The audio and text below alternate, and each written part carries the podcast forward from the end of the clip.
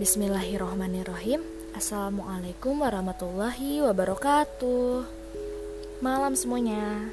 Gimana nih kabarnya? Semoga baik dan sehat selalu.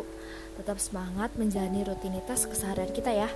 Kalau lagi ngerasa gak enak badan Istirahat aja. Jangan paksain kerja Jangan memaksakan diri. Lagi pula berbohong juga gak baik kan? Berbohong merupakan kebiasaan buruk yang mungkin masih sering kita lakukan. Padahal pendidikan moral telah orang tua kita ajarkan semenjak kita kecil.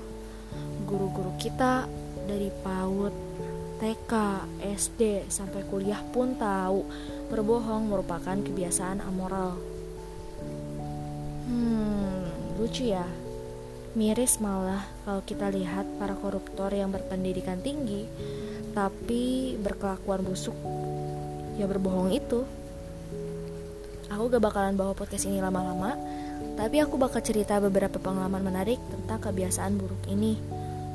Seperti yang pernah aku bahas di podcast pertama dan kedua, aku pernah mengenyam pendidikan di sebuah pesantren di mana kedisiplinan dijunjung tinggi. Pelanggar aturan pasti bakal dapat hukuman yang setimpal. Aku adalah santri biasa yang kadang melanggar juga.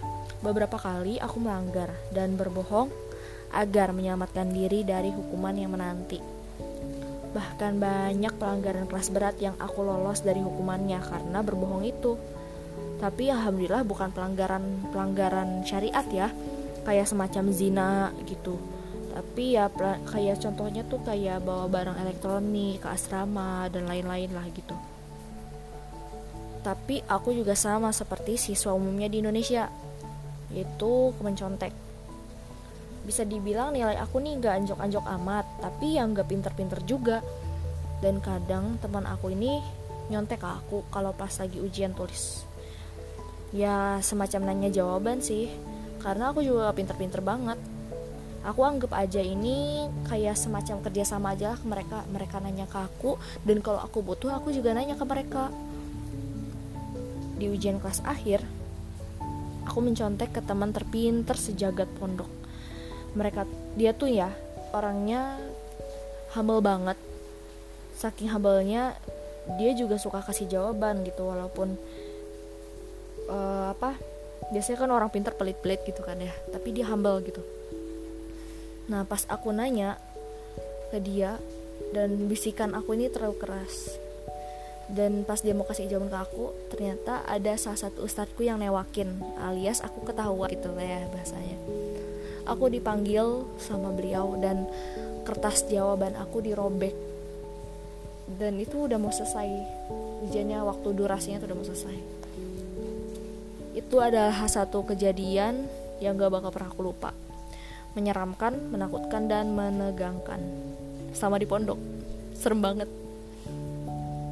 Kemudian aku masuk diterima sebagai mahasiswi di salah satu perguruan tinggi negeri di Jogja aku banyak mengenal hal baru termasuk mengenal teman-teman non Islam alhamdulillah aku nggak pernah ada masalah sama sama mereka mereka dan bahkan mereka tuh baik banget.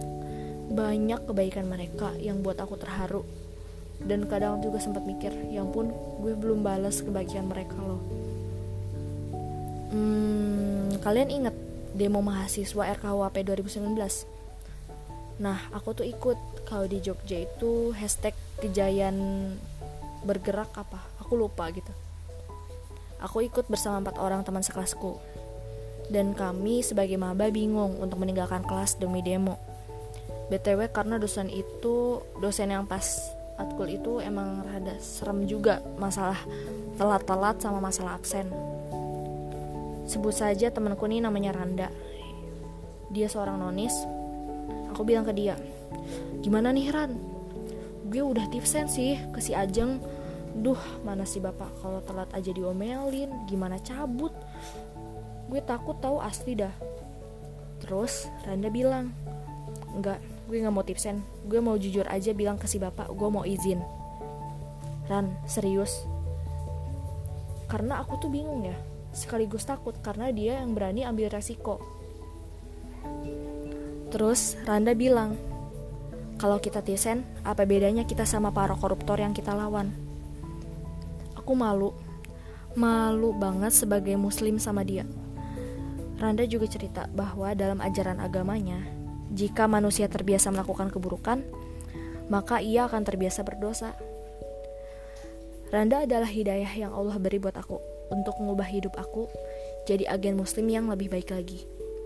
Bukan hanya Randa, Rasulullah sendiri telah menjadi role model manusia paling jujur dan terpercaya di muka bumi. Hanya saja, aku mungkin masih jauh dan lupa kalau sirah nabawiyah adalah gaya hidup yang mesti dicontoh bagi setiap muslim. Sejak itu aku bersikeras untuk tidak mencontek lagi, baik di kampus dan tidak berbohong di mana pun. Mari budayakan kejujuran dan menjadi agen muslim yang lebih baik lagi. Merci, arigato gozaimasu. Syukron, wassalamualaikum warahmatullahi wabarakatuh.